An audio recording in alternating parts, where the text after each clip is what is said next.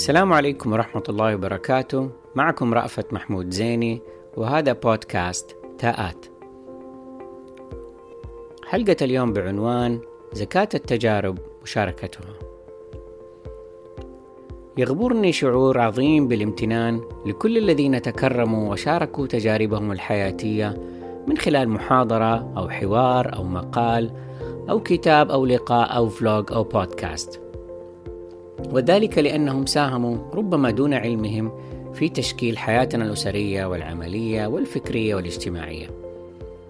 لقد كرسوا مشكورين جزءا من أوقاتهم لتدوين تلك المواقف والتجارب التي مروا بها خلال حياتهم.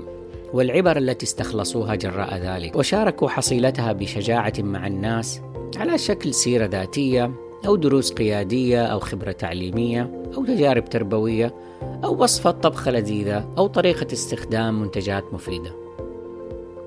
تشمل مشاركة التجارب كل مناحي الحياة في التربية والإدارة والتعليم والفن والعلم والهوايات والسياسات والرياضة وغيرها. كما لا يشترط أن تبدأ مشاركة التجارب بعد تحقيق نجاحات مذهلة أو بطولات خارقة، بل يشترط فقط أن تكون عن تجارب إنسانية وجد أصحابها أنها نافعة وأحبوا أن يشاركوها مع غيرهم عسى أن يجدوا بها ما يفيد. لازلت أذكر على سبيل المثال عندما أبلغتنا الطبيبة أن ابننا معا قد يكون مصابا بطيف التوحد كتفسير لتأخر كلامه وبعض سلوكياته المختلفة عن أقرانه. رغم أنها قالت سيأتي اليوم الذي ستطلبون منه الكف عن الكلام وقد تحقق ذلك بحمد الله. وأستحضر بوضوح الشعور بالقلق والحيرة الذي انتابنا حينها. فماذا علينا أن نفعل بعد ذلك وكيف؟ فالمتخصص يمكن أن يعطي بعض التوصيات في مجاله ولكن ماذا عن بقية تفاصيل الحياة اليومية التي تتطلبها تنشئة هذا الطفل البريء والاهتمام به وبإخوته الصغار؟ بل وحتى بذواتنا وعلاقاتنا وحياتنا الزوجية. عندها أخذت ووالدة نجول بين أرفف المكتبات وصفحات الإنترنت وسؤال من استطعنا الوصول إليه من المتخصصين في الطفولة المبكرة. نبحث عن معلومة هنا وتجربة هناك. وجدنا بحمد الله بعض الكتب والمواقع والتي كانت شبه نادرة خصوصا باللغة العربية قبل أكثر من عقدين من الزمان. وتلقفناها بشغف. نقرأ الصفحات بل والأسطر والكلمات مرات ومرات. ونحن ننقب عن أدق التفاصيل التي لم يبخل الآباء والمربون والمعالجون في سردها بدقة وعناية. كيف نعزز الروتين اليومي؟ ماذا نفعل مع نوبات الغضب؟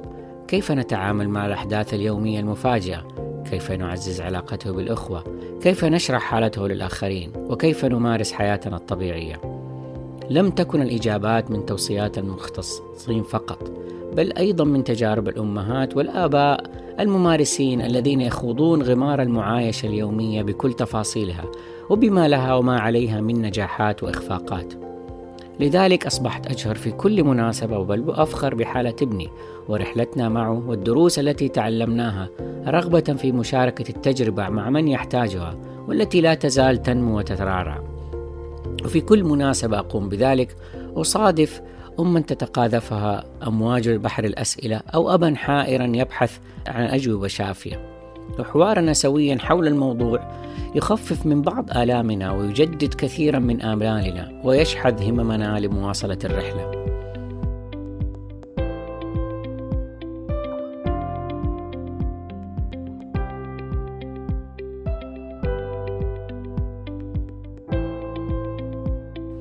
إن مشاركة التجارب الواقعية الصادقة هو إثراء للحياة وإكمال للنواقص من المهارات والخبرات.